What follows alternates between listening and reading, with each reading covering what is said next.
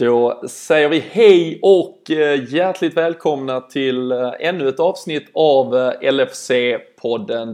Det andra på lika många dagar och vi fortsätter väl egentligen i att bara suga i oss all fantastisk eftersmak från det som blev ett semifinalavancemang vi är klara för final i Champions League 2018. Kiev väntar om tre veckor och eh, visst, en förlust i Rom men över ett dubbelmöte en seger med 7-6 och eh, vad passar då bättre trots att eh, Kalle Sundqvist, Daniel Forsell redan igår torsdag snackade ner och verkligen knöt säcken kring det underbara avancemanget att att ändå ta tempen, höra med någon som var där eh, i detta avsnittet så kommer jag ha ett samtal med Pontus Weinemo från eh, Sportexpressen. Jag har hört han i podden tidigare och framförallt är han ju en eh, super Liverpool-supporter likt oss andra och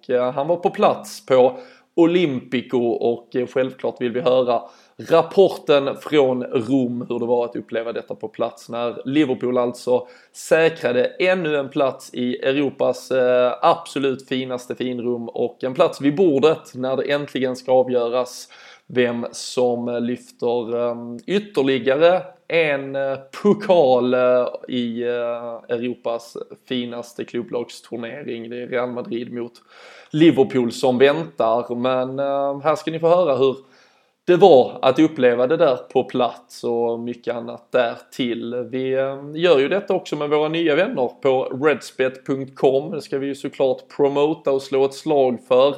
En bettingsajt som alltid erbjuder marknadens bästa odds på Liverpool. Och eh, dessutom så ser de till att lite av de eventuella förluster men deras överskott helt enkelt går tillbaka till fans och samhälle. 50% av deras nettoöverskott går alltid tillbaka till, till Liverpool kan man säga i någon form om man väljer att registrera sig på redspet.com och även då välja LFC-podden. Vi har vår egen lilla rullflik där så välj oss när ni registrerar er så eh, går pengar tillbaka till, till Liverpool och det samhälle som vi såklart gärna vill sponsra och eh, vara en del av. Men eh, in och reka där nu inför eh, helgen så kommande matcher. Marknadens bästa odds alltid på Liverpool som sagt. Men vi jinglar in detta avsnittet i vanlig ordning och så får ni alldeles strax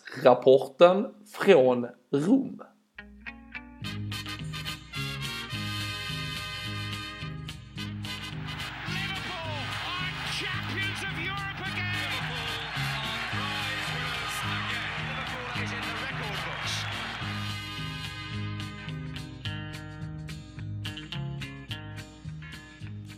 Ja, god eh, dag allesammans. Eh, det är eh, fredag eftermiddag här och det har nästan gått två dygn sedan Liverpool krånglade sig vidare till slut. Eh, om än att man har fått höra från många objektiva håll att det kanske inte var så svårt eh, som eh, det för oss mer partiska upplevdes.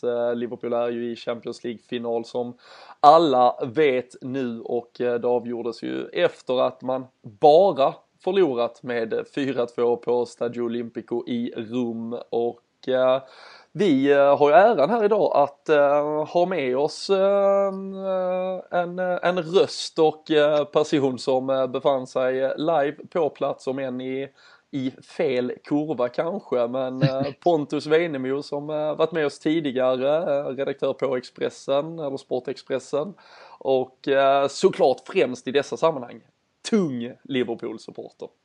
Ja, tack för att du var med, kul! Väldigt kul att, att ha dig här och att ha dig tillbaka helskinnad från Rom såklart. Vi ska diskutera både, både sådana saker och det som skedde på planen och mental och fysisk hälsa som har satts på prov här. Eh, men vi, vi får väl börja bara jätte, liksom så här, stanna vid intrycket av de facto att Liverpool har tagit sig till Champions League-final. Hur, eh, hur mår man så här snart, eh, 40 timmar i alla fall, efter att det begav sig? Ja, det, är svårt att, eh, det är svårt att ta in, det är det. Eh, man satt, och, igår kväll så satt jag hemma och kollade på matchen på nytt och det var som att, ja, det var otroligt. Och, mm, så att min fru blev helt förtvivlad för jag bara stod och sjöng hela tiden. Hon tänkte, men vad håller du på med? Matchen var ett dygn sedan. Eh, men det är väl så det är liksom. Men eh, det är svårt att fatta det på något sätt. Och att bara vara tillbaka i en Champions League-final är ju, um, det är ju det är ofattbart.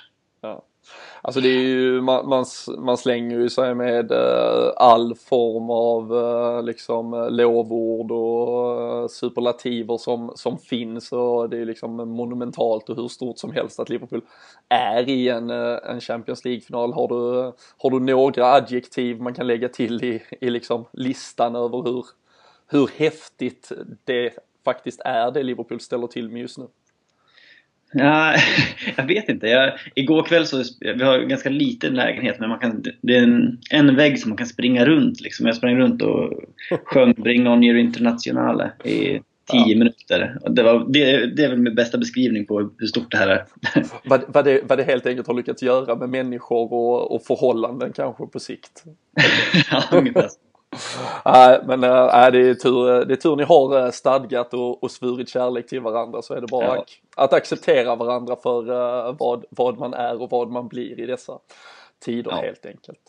Vi äh, var ju några stycken här från, äh, från poddens håll som var och upplevde första matchen äh, av de här två semifinalerna på plats på Anfield såklart en helt fantastisk fotbollsmatch på alla dess sätt. Eh, hade den blåsts av efter 70 hade den väl varit eh, ännu lite bättre men eh, mm. såklart allt mycket mer än vad man kunde önska. Och hur kände du? Du visste ju att du skulle till Rom och eh, få, få se slutet och den andra halvan av eh, denna ändå liksom boxningsmatch som det är över två ronder i ett eh, slutspel och i en semifinal. Vad, vad hade du med dig efter den där första matchen? När det var 5-2 som trots allt blev hur siffrorna skrevs? Ja, när det stod 5-0 då, Eh, då var man då var det skönt. 5-2, inte riktigt lika skönt. Man vet, man vet ju precis vad Roma kan göra på Olympico, man vet vad Liverpool kan ställa till med defensivt. Så, eh, jag var absolut inte säker när man åkte dit, men när det stod 5-0 så var det ju verkligen det här är det bästa beslutet jag tagit i hela mitt liv. Eh, 5-2 så tänkte jag nu kommer jag att börja gråta okontrollerat i 24 timmar. Eh, men eh, eh, det var väl okej. Okay. Ja. vi, vi, vi hade ju dig med här i, i podden för ett par eh, månader sedan. Mm. Det är mm. säkert några av våra lyssnare som, eh, som följer oss i sociala medier och följer dig i sociala medier. Och du är ju lite av en, du har ju auran av dig om att Liverpool och dess, dess liksom försök till att åstadkomma saker alltid ska kantas av rätt mycket tragik längs vägen och att det ska gå åt helvete någonstans till slut. Uh, jag kan tänka mig att uh, liksom, ja men det här, det här går åt helvete ändå har uh, varit med dig någonstans i, i resan mot Rom sen. Ja, under hela matchen också. men jag är väl, det är lite sån jag är som person. Men min mamma lärde mig alltid att om, all, om, man tänker att allting kan gå åt helvete då, då blir man aldrig besviken. Man har så jävla mycket uppsida då helt enkelt. Exakt. Men, eh. men det måste ju, alltså faktiskt om man ändå ska ta det på något, något form av ganska seriöst plan i det, för jag, det var ju själv det man, man pratar om med folk i, i både sin närhet och när man pratar med folk i, i sociala medier och så vidare. Alltså Liverpool var inför mötet med Roma i Rom, alltså 90 minuter, eventuellt 120 från en Champions League-final. Samtidigt så hade vi bara allt att förlora. Alltså det är ju en otrolig ja. lyx att, att plötsligt stå i en sån situation. Men ja. ganska surrealistiskt med tanke på att vägen dit och Liverpools liksom plats i näringskedjan borde ju vara att vi har all chans i världen att åstadkomma ett mirakel och ta oss dit. Nu var vi på vippen att kunna fucka bort den liksom mest givna Champions League-finalplatsen någonsin. Ja, även, e-, e-, egentligen innerst, innerst inne så visste man väl att det här förlorar, det, det här tappar inte Jürgen Klopp. Det, det gör han inte. Eh, och det är väl liksom den, den, den säkerheten har ju aldrig någonsin, alltså ja men åtminstone sen Rafa har ju inte funnits den känslan. Eh, så innerst inne så kände jag att det här tappar han liksom inte. Det här, det går inte. Eh, å andra sidan så i Rom så, bland Roma-fansen så fanns ju absolut ingen känsla av att det här är omöjligt. Det var verkligen att det här, känslan i hela stan var att det här, det här vänder vi och folk var väldigt optimistiska. Mm. Otroligt. Ja, de hade ju och såklart liksom eh, uppblåsta med självförtroende från vändningen de gör med, med det ja. resultatet som nu också krävdes. Man gjorde, gjorde det mot Barcelona och självklart har man en tro på att man ska kunna göra det mot ett lag som eh, försvarsmässigt eh, styrs till hälften av Dejan Lovren till exempel. Mm. Men um, som sagt, du, du var ju på plats i, i Rom och vi vet alla hur snacket gick inför dessvärre all den tragik som någonstans la en blöt tung filt över första mötet eh, och den lilla men eh, tyvärr eh, väldigt synliga falang av ultras som, som valde att bete sig som de gjorde utanför Anfield och Sean Cox som än idag liksom svävar mellan liv och död och vi vet inte riktigt vad, vad, som kommer hända där och det blev ju med det i, i bagaget någonstans ett, ett rigoröst säkerhetsarbete och varningsskyltar till, till höger och vänster kring hur man skulle uppföra sig som supporter och var man skulle befinna sig och så vidare. Mm. Hur, eh, hur upplevde du att, eh, att komma till till Rom, inte för att man, man gick kanske inte med liksom Liverpool-tröjan och skrek ut att man uh, var, var supporter och sådär men det är ju klart att uh, ja, vi, det blir, man blir ju ändå, det är ju en klick av, av människor som framstår som uh, turister på alla sätt och vis och kanske fotbollsturist vare sig man vill det eller inte. Men uh, hur, hur upplevde du dagen och dagarna i staden som, som supporter? Ja, nej, jag, jag märkte inte alls av eh, någon form av eh, ovänlighet överhuvudtaget. Eh, jag tyckte att alla var väldigt eh, ja, men alla var väldigt trevliga och när man pratade om, om fotboll med folk så var det verkligen att det var kul att ni är här och eh, nu blir det en match och så vidare. Eh, absolut inga våldsamheter. Eh, och dessutom vi, vi gick till och från arenan som man inte skulle göra eh, men märkte inte av någonting att det skulle vara några konstigheter överhuvudtaget. under själva matchen var det ju fruktansvärt hetsk stämning då var det ju då, var det, då, då, då fick man hålla sig i skinnet lite grann. Men eh, eh, runt, om, runt arenan och på matchdag efter matchen, före matchen, då märkte jag inte alls av någon, någon form av våldsamheter överhuvudtaget. Eh, vilket var skönt. Eh, och Liverpool-fansen tog ju, det var ju skillnaden liksom i Liverpool om man går på en match är att ja, men ju, man märker ju hela stan, det vibrerar ju av fotboll. Mm. Romy märkte inte överhuvudtaget att det var match. Det enda man märkte var Liverpool-fansen. Eh, eh, verkligen. Var det några former av ändå större samlingsplatser? Så jag vet att klubben hade gått ut med, med två olika torg som man ändå hänvisade till. Men eh, med tanke på kanske det som då hade hänt veckan innan om, var, var det ett mer osynligt bortafölje än vad det kan vara när Liverpool basunerar ut över världen att de är där för att erövra den?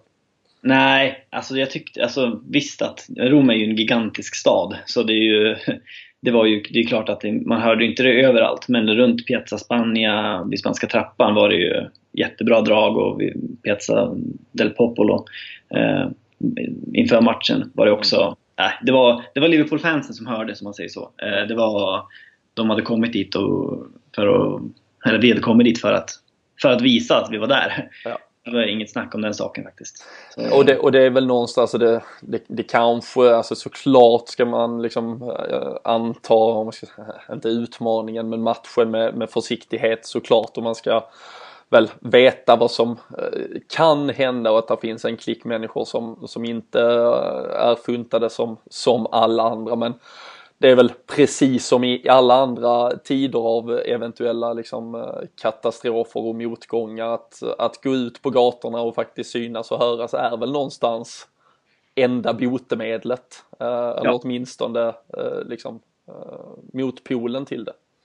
Ja, nej men det var, det var ju, det, var, det så är det verkligen. Och man märkte ju att det var inga, det var inga, Liverpool-fansen kom inte med, med rädsla. Vi var ju man var där med självförtroende. Mm. Och, och, du, du körde, körde, I taxibilarna så hördes allé, allé, allé och det var, ja men, eh, ja det var som, det var, det var absolut inte, de hade in, ingen, ingenting liksom kunde tysta Liverpool-fansen. Så, så var känslan. Ja, det är ju ett, det är ju ett bland annat fantastiskt viralt klipp på eh, någon som kommer i någon sån här uh, cyk cykeltaxi liknande nerflygandes på, på de små gatorna liksom. Liverpool-fansen upp, uh, eller så här, ombades och, och ta det lilla lugna. Och så här svarar de liksom, kommer skrikandes ja, ner. Liksom. Lite så var känslan i stan ja. faktiskt. Ja. Ja men uh, helt uh, fenomenalt. Nu, nu vet jag ju att du, du tvingades ju uh, se matchen från, från en plats på arenan som till större delen eller kanske totala delen omfattades av Romas supportrar. Man har ju mm. hört från Liverpool-håll att det enda kanske lilla problematiska inför matchen var just insläppet och liksom logistiken runt arenan. Men du sprang inte på den typen av problem då antar jag? Uh, det var, det riktigt väl... sjukt. Det var riktigt sjukt. Uh, till uh, Liverpools lilla kurva där, där var det ju tre insläpp totalt. vi hade, jag gick in precis bredvid Liverpools kurva, i kurva nord. där var det ju säkert 15 insläpp. och det kom in utan problem överhuvudtaget. Tog tre minuter kanske att komma igenom. Så är väldigt skillnad, väldigt, väldigt skillnad på hur fans och fans blev bemötta där. Ja, nej, det, det var ju känslan också man såg att många flaggade upp eh, liksom att det kunde ta både en och två timmar att bara komma mm. in på arenan egentligen. Och det, men det är väl eh, som jag har förstått det så gick väl Uefa ut sen när det var ungefär en timme kvar och gick liksom in och beblandade sig i hur det där insläppet skulle skötas eftersom att Roma uppenbarligen inte hade satt det i största fokus åtminstone kring. Eh, Nej. Men uh, det är ju i, i, i sak och i slutändan en bagatell och de, vad man har ja. förstått i alla fall så kommer ju alla in inför matchen om en precis till första visslan i stort sett. Men uh, för det första så måste du i så fall också ha behövt lägga någon form av uh, järnmask uh, på dig själv i, i det supporterhavet. Hur, hur gick det att hantera? Ja, det var ju riktigt svårt, bland det svåraste jag gjort någon gång. så det var ju någon form av känslomässig total urladdning efter matchen. Man kände liksom, det var, jag, jag kände nästan att tårarna var på väg därför man vad kunde, jag kunde inte, kunde inte uttrycka mig som jag hade, helst hade velat. Eh, eh, det fick, fick väl, ja men min fru är hemma också märka när jag sprang runt och sjöng ett dygn senare. Eh, men det är vad det är liksom. Det, man, man, man tar de biljetterna man får tag på och så Ja herregud. Uh, det är ju, alltså det, det är en, jag vet inte, men ett förtydligande kanske till, till vissa där ute ibland. Man, man märker som hör av sig och, och frågar om ja, kan ni fixa biljetterna, Alltså att, ja, kan, kan man överhuvudtaget fixa biljett till en, till en sån här match så uh, ska man ju försöka lägga beslag på den och vara väldigt nöjd att uh, försöka vara kräsen kring vart exakt man, man står och sitter eller upplever den kan, kan ibland inte riktigt ja, infrias och jag tror man ska förstå det. Det är ju en, en ynnest bara i att vara innanför portarna så att säga. Så det ska man Verkligen. absolut Verkligen. ta till sig.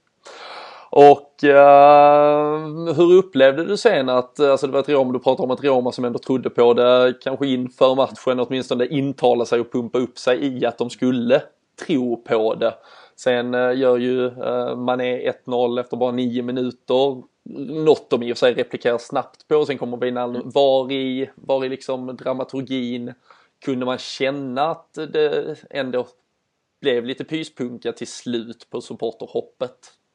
Ja, det var ju verkligen efter, efter 1-0 egentligen som eh, det var, Olympico kokade ju verkligen. Det var, eh, det, jag, vet, jag, kan, jag vet inte hur många arenor i världen som kan, som kan skapa det där trycket. Det är väl Anfield och kanske de arenorna i Istanbul. Eh, jag vet inte hur det är på en Old Firm, där jag aldrig varit. Men det var ju verkligen det var ett fruktansvärt tryck inför matchen.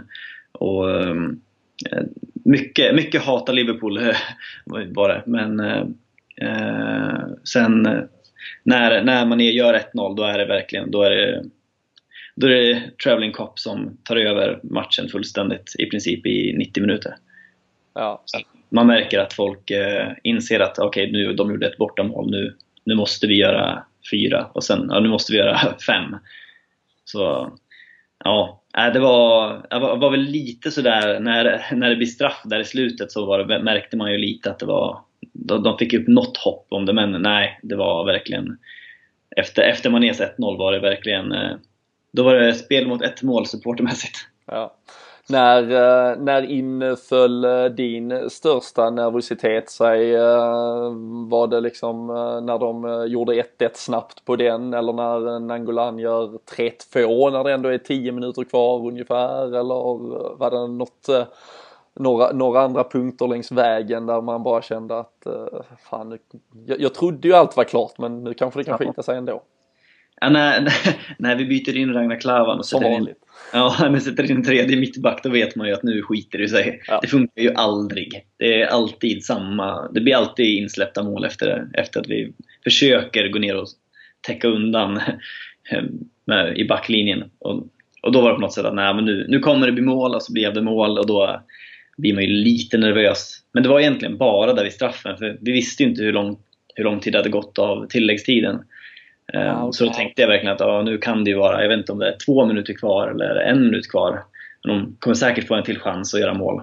Eh, så då blev det lite nervöst. Så det var ju, det var ju rätt skönt när, när domaren blåste av direkt efter, hur är det på Olympic? På, på Anfield så räknar, är det ju trots allt en klocka som i alla fall räknar till 90 men sen försvinner den helt. Är det någon klocka överhuvudtaget eller är det samma princip bara att den räknar till 90? Ja, det är samma princip att den, den stannar på 90 och sen får man försöka räkna i huvudet men det är inte så enkelt. Nej, och det är ju en uh, otrolig psykisk liksom, ja, press och, och pers att uh, ta sig igenom där på slutet. Det är ju är väldigt så vi som uh, satt hemma i tv-sofforna om än jag kan lova att uh, all nervositet han skölja över mig också. Men det var ju slut visste man egentligen. Men det finns ju alltid domare som kan välja och slänga på en halv minut hit eller dit. Och det, det hade ju räckt för att få en, en målchans till egentligen. Och som du säger och som vi har, vi har pratat om detta i, eh, i annat poddsammanhang redan, det här med tredje mittback, Ragnar Klaven, det, det har ju nu gång på gång inbjudit eh, till, och speciellt ett lag som Roma som i slutskedet där inte vill något annat än just lyfta långt och få bronka och ha en Edin Dzeko som får brottas med vem som helst där inne liksom. Så att man gör, jag var faktiskt förundrad över att man valde att göra det bytet denna gången ja, också. Det...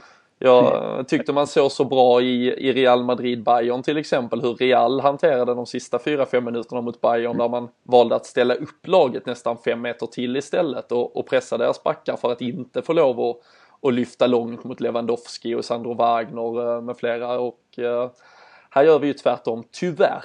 Um, ja. Ja, jag vet. Det är så svårt att, svårt att föreställa sig varför, varför Liverpool går på den där fällan varenda gång.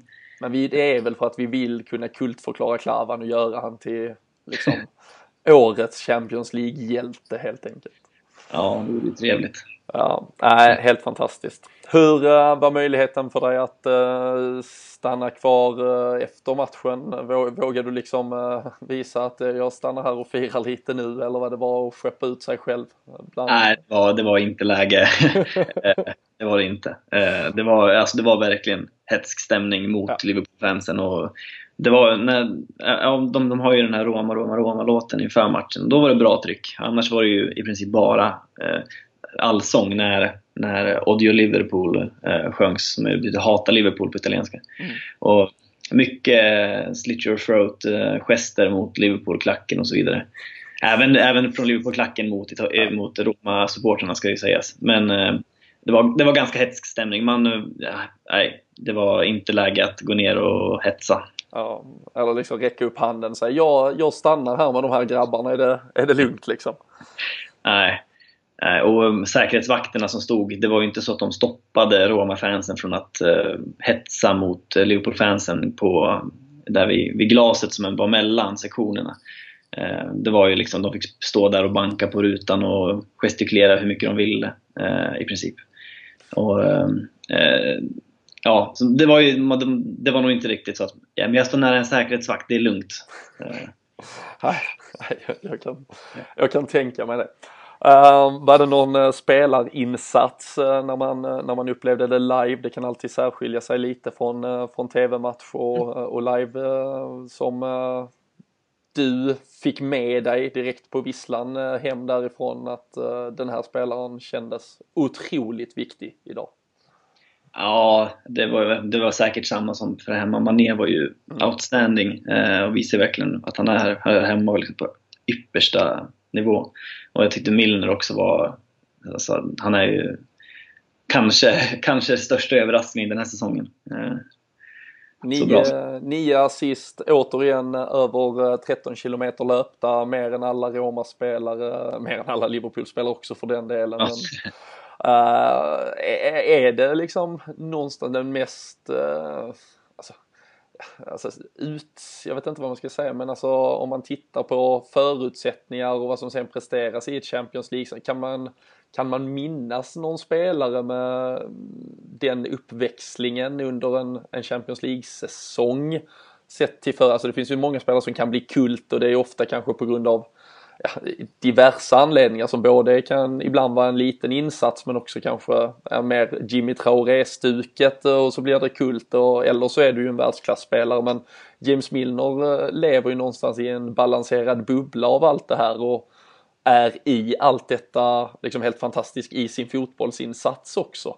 Eh, jag vet inte om man kan hitta någon som eh, sticker ut på det sättet som han har gjort denna Champions League-säsongen. Nej, det är ju enormt imponerande. Eh, I, i Liverpool-sammanhang kan jag inte minnas någon som haft den här utväxlingen över en säsong. Eh, och, nej, att, han skulle, att han skulle vara den som passar bäst in i, i hela Klopps filosofi, det var ju inte jätteväntat. Det var det inte. Och eh, dessutom eh, sin eh, självdistans via sociala medier som ett ja, extremt grädde plus körsbär på den mosen känns det som. ja. ja. Helt fenomenalt såklart. Han ni förresten på plats uppleva eller någonting ta del av det lilla surret som kom onsdag förmiddag att Jordan Henderson eventuellt skulle missa matchen också och Ben Woodburn skulle gå in från start? Ja, jag såg lite grann om det på, på Twitter men... Eh, Inget som spred sig mer än så? Helt nej, nej det var det inte. Det var, alltså egentligen, det var bara glädje egentligen mm. eh, runt hela matchen. Eh, för, för Liverpools, för Liverpool-fansen ja, såklart. Eh, var liksom, det, var, det var enorm eufori liksom på, redan inför. Man, man pratade liksom bara om att nu ska vi, det var så mycket supportersnack känns det som. Att det var, nu ska vi visa att vi, är, vi kommer till Olympico men det, folk kommer minnas är The Traveling Cop liksom. Och det var, eh, man oroade sig inte så mycket för vilka som skulle spela utan att det var mer, ja det här, det här löser Klopp ändå. Det spelar ingen roll vilka som står på planen. Men man, man, gör ju det. Jag, jag i alla fall, alltså jag, jag är ju en liksom obotlig pessimist eh, likt eh, mm. du eh, uppenbarligen. Men jag känner alltid någonstans när jag är på plats att allt det här jag går och oroar mig över hemma eh, mm. i normalfall det blir lite mer sekundärt. När man ja. upplever du samma sak? Ja absolut, verkligen. Hemma kan man ju sitta orolig en dygn innan någon, någon, någon skulle säga att eh, ja, men Trent har ett eh, ont i lillfingret och man bara åh nej, ja. får panik. Men på plats så är det ju inte så mycket att bry sig om. Då tänker man, man, man känner ju också att man kan påverka på ett annat sätt. Ja. Att det gör ingenting om Henderson inte spelar, jag är ju på plats. jag eh, löser eh, detta. Eh, så eh, det blir en annan...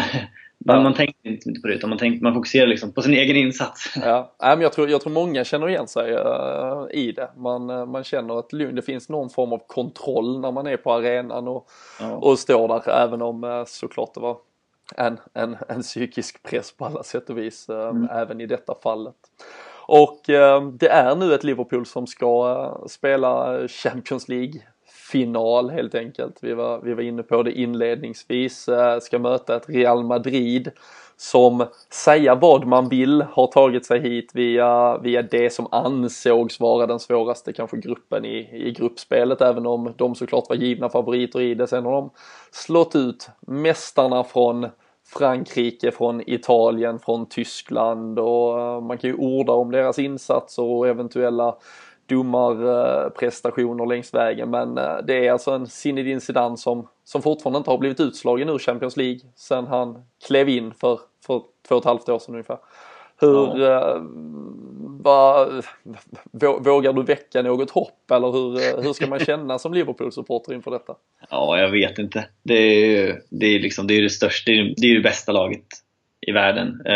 Det är ju den största klubben i världen också. De har ju vinnarmentalitet som, Eh, som inte finns någon annanstans. Eh, det, ja, jag vet inte. Det är väl eh, det är väldigt liten chans att vi vinner det här med Cristiano Ronaldo som i princip gör mål på bara, bara för, för att på något sätt tysta eventuella kritiker. Om det ens finns någon så känner han väl ständigt att det finns någon han måste motbevisa och, ja, det, det, är inte jättehoppfullt inför finalen men ändå på något sätt är det ändå en stor glädje att bara vara där mm. och veta att vi har allt att vinna. Vilket är det som väl talar för oss på något sätt. Att vi, vi kan gå in utan att förlora någonting. Vi kan bara, vi kan bara gå därifrån med, med huden högt. Jag ska faktiskt eh, passa på för alla lyssnare och eh, pusha lite. Vi har eh, spelat in också ett avsnitt med Erik Niva som i sammanhanget är objektiv och kan se detta med, detta med mer nyktra ögon än vad, vad vi Liverpool påverkade såklart kan göra och eh, jag tycker man ska se, liksom hålla utkik efter det här avsnittet. Eh, väldigt intressant och väldigt kul att höra någon som, eh, som då ser helt eh, nyktert på det och eh, han eh, kan jag tisa om eh, påstår faktiskt att Liverpool är favoriter i finalen till och med. Uh, men jag hör ju att du inte riktigt vill, vill ta det till dig i alla fall. Nej, det går inte att... Man vet ju vad Real Madrid är och de, de har det enda de har brytt sig om hela säsongen i princip. De, de visste att säsongen var körd i höstas redan för, i ligan, så det enda de har brytt sig om är att vinna Champions League. Ehm, och det, då kommer de in med en he, helt annan ork än vad vi kommer ha. Vi, man märker ju redan nu att i 75, från 75 minuten så tappar vi all ork eh, på planen. Eh, och släpper in mycket mål medan Real Madrid då kanske kan växla upp ytterligare den sista tiden för att de har just den här den, eh, kvalitet, eller de har den, ja, den orken i, i truppen efter att ha vaskat hela ligasäsongen i princip. Ja. Eh, de bytte väl in Nacho, Casemiro och Bale om jag inte minns fel mot Bayern. Vi bytte in Ragnar Klavan, Solanki och Nathaniel Klein. Det, ja, det är lite annat. Eh, lite, lite truppskiljaktigheter helt enkelt. Så är det. Eh, och ja, egentligen, det finns, väl, det finns väl ingenting egentligen som talar för Liverpool bortsett från våran furiosa offensiv. Det, är ju, det, det, finns ju ingen annan, det finns inget annat anfall i världen som kan mäta sig med, med vårt anfall. Ja. Eh, vilket är väl, det, är väl, det är väl något som är positivt. Men å andra sidan finns det väl knappt något försvar som kan mäta sig med Real Madrids och deras anfall är inte fy skam. det är okej. Okay det är okej. Okay. Ja. Uh, men skulle du säga att det i alla fall är bättre att möta Real Madrid i 90 minuter än 180? Absolut, det skulle jag nog säga. Uh, vi såg, vi har ju sett vad Tottenham kan göra mot dem. Det var ju för sig i höstas när de inte var riktigt lika bra och det snackades lite grann om att Zidane skulle få sparken. Uh, men ja, det är, det är klart att det finns, att jag hellre tar dem över 90 än 180. Det gör jag. Det känns som att Ja, men det är bara att säga ett Juventus som gör 3-1 till slut då i och för sig, borta mot dem. Ja, exakt. Och vi har, kollar vi på vad vi har gjort i första mötet med lag, alltså mm. Manchester City, uh, Porto första matchen, Roma första matchen. innan första matchen är vi ju väldigt, väldigt, väldigt bra.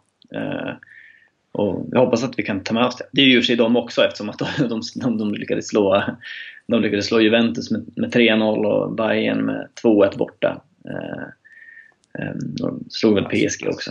Ja, men jag tror det är, det är väl om man lägger ihop de första två timmarna fotboll, eh, det vill säga alltså, eller om man tog, alltså, vad tar man, 40 eller 60 minuter per per match tror jag eh, för, för att hitta den exakta statistiken på just mot, som du säger, City, Porto och Roma, inledande matcherna. Och, alltså där, det, det, är ju helt förkrossande siffror vi, vi har med oss såklart. Så det är väl någonstans där man måste gräva lite efter, efter hoppet och, och självförtroendet inför den här finalen. Att Real Madrid vet inte vad som kanske väntar dem. De kan ju titta på hur många videos som helst av det. Men uppenbarligen så har vi ju chockat lag förr med, med hur vi faktiskt spelar fotboll. Och ja. Eh, det, det, det, måste väl någonstans vara det som bara ska pumpas in, eh, liksom injiceras i blodet hos varenda spelare. Ja. Och supporter så att, så att det faktiskt finns en tro på det. För det är väl också tillsammans med de insatser som vi har sett efter 75 minuter som du nämner, det är väl också lika mycket nästan att, att vi supportrar vet att nu ska det skita sig. På samma sätt som att vi, vi känner inför matchen att vi ska gå ut och vara otroligt starka. Mm. Så det är ju något mentalt spel i allt detta som, eh, som nog inte ska förringas helt och hållet. Nej, Nej, vi vet ju också att Real Madrid har ju, det är inte ett lag utan självförtroende direkt. De kommer ju gå ut och, och försöka spela sitt spel. Eh, vilket gör, de gör helt rätt i såklart. Men det kommer ju, är det någonting vi kan utnyttja så är det väl det. Marcelo eh. kommer väl fokusera lite mer på att vara eh, fortfarande världens bästa offensiva ytterback eh, och inte vara världens bästa defensiva. Så är det. Så är det. Eh, då får vi väl se om de lyckas hitta någon eh, någon lösning där det finns en defensiv, annan defensiv spelare som håller koll på Salah, likt Roma gjorde nu i den här matchen. Men eh, de ja, spelar ju väldigt mycket med tanke på att eh, Zidane-favoriten Lucas Vasquez alltid måste in i en startelva så spelar de ju honom som högerback här mot Bayern München senast. Eh, och då fick ju Luka Modric springa ner och, och vara där i stort sett hela tiden och hålla mm. handen. Så det känns ju som att det är något liknande de säkert kommer att titta på för att uh, hålla koll på Salah. Helt enkelt. Så nej, uh, helt fantastiskt uh, ska det såklart bli oavsett. Eh, fick, du, fick du chansen att, att fira någonting av eh, triumfen eh, på plats i rum eller var man mentalt utpumpad och förstörd snarare när man väl hittade hem från Olympico? Ja, efter, efter matchen så kände jag att då var det ja, vi gick ju in till stan och på den promenaden på en timme var det väl inte riktigt läge att springa runt och jubla. Men, men efteråt så i stan så kände jag att där var det hur lugnt som helst. Eh, och man kunde visa exakt sin glädje som man ville i princip. Eh, det, var, det var inte alls no, någon form av hetsk stämning i, i stan. Och det var, det var, det var fler Liverpool-supportrar som visade sig ute eh, än Roma-supportrar. De uh, hade väl kanske alla anledning att gå hem och, eh, och slicka kan... såren helt enkelt. ja. Så. Nej, helt fantastiskt. Hur, uh, hur högt, uh, eller är det det, det högsta uh, om du ska liksom ranka in någon supporterupplevelse på plats? Om ändå i fel supportertillhörighet när, när du stod där, men ja. att få uppleva avancemanget. Ja, det var, det, det är det nog. Det är ju Eh, det är ju alltid speciellt när det är Europa, Europaspel. Eh, det blir ju inte riktigt, det vet ju alla som har varit på Anfield under, när det har varit eh, vanlig serielunk, att det är inte samma sak som att se en match i, i, i Europa. I ett Champions League-slutspel till exempel, eller, eller ens Europa League-slutspel när det begav sig. Det är ju en speciell stämning. Och så, så är det väl i Rom också. Det var ju såklart otroligt häftigt. Det var ju väldigt ja, även, om, även om det var fel, eh, fel sida så att säga, så var det ändå, Roma-fansen gjorde ju verkligen, eh, de ramade in matchen enormt bra inför. Och sen så var Traveling Cop förmodligen den bästa borta skaran som någonsin har varit på en arena känns det som. Ja. Eh, de var magiska och så ja, nej det var nog det är nog det mäktigaste jag har upplevt, eh, absolut. Sen har det varit några matcher på Anfield som har varit väldigt häftiga också, men Europaspel är Europaspel. Det blir, eh, det blir annorlunda stämning överlag. Ja. Nej, verkligen. Så, så är det ju. Och eh, som du säger, ett, eh, ett traveling, traveling cop som verkligen levde ut i full blom och eh, jag tror ju, alltså det är ju klart att liksom hela Liverpool och vad det här betyder för staden och för fansen som, som reser eh, land och rike runt och eh, med, med, med allt. Alltså det har ju verkligen blivit en fuck you mentalitet till hela Europa att här kommer Liverpool igen från ingenstans och, och det känns som att alla lever ute till till fullo. Um, häftigt tycker jag att se att det är en ganska ung generation supportrar som nu uh, reser runt också med Liverpool. Uh, nä nästan för ung så man får ifrågasätta om de har fått, uh, knappt som de har fått ledigt från skolan känns det som. Men det är ju, ja men det är en otroligt häftig mix och uh, samtidigt uh, det avspeglas ju på vårt lag också när man ser de här juniorerna, liksom Ben Woodburn och Curtis Jones med flera som, som springer ja. runt nere på planen och firar en Champions League-final surrealistiskt på, på ganska många sätt och vis känns det som. Men vi är där helt enkelt. Så det ska vi väl inte be om ursäkt för. Nej, verkligen inte. Det, jag tycker att det är full, hur rättvist som helst. Det, eh, sen kan man ju klaga på domare och så vidare, men sett över två matcher så är det inget snack om att Liverpool är bättre laget. I alla, i alla matcher i Champions League eh, hittills. Eh, även i gruppspel och kvalet också, så det är hur rättvist som helst. Så är det. Och uh, nu också med fler uh, Champions League-mål än vad Everton har Premier League-mål denna säsongen. Det är en, uh, en statistik värd att nämna tycker jag och ta med sig som en, som en sån där sista liten höfttackling på de stackars Everton-supportrarna som redan ja, har. Sam Allardyce blir kvar nästa säsong också har jag för mig att det blev någon beslut om där. Han hade något möte med Moshiri om att han skulle få, få stanna. Så det är kul. Ja, ja verkligen, verkligen. Det, det ska de ha, de jävlarna. Så nej, nu eh, är det Premier League som, eh, som väntar stundar såklart otroligt viktiga matcher där också. Vi ska inte dyka ner i dem. Där finns eh, avsnitt inspelat sedan tidigare som jag tror att ni som lyssnar nu redan har lyssnat på. Annars finns det att plocka, plocka in och plocka ner och lyssna till dem också. Och som sagt så får ni hålla utkik här i våra kanaler för det kommer snart ut ett långt och djupt snack om Liverpool och allt det vi ställer till film i Champions League och vad klubben står för i övrigt och massa annat eh, som vi hade tillsammans med Erik Niva och eh, tror att alla tycker att eh, det kommer bli väldigt spännande. Så um, håll utkik efter det och uh, ni hittar oss uh, som vanligt uh, överallt uh, höll jag på att säga vad gäller sociala medier, Twitter, Facebook, Instagram och så vidare. Men för eh, nu och med de orden så tycker jag vi säger stort tack till eh, alla som har lyssnat. Eh, tack för rapporten från Rum Pontus och ja, försök att samla dig något sånär och ta lite lugnande piller inför finalen. Kan vi väl alla behöva så att du inte springer, springer ner den där väggen i lägenheten helt enkelt. Men tack till alla som har lyssnat och ha det fint.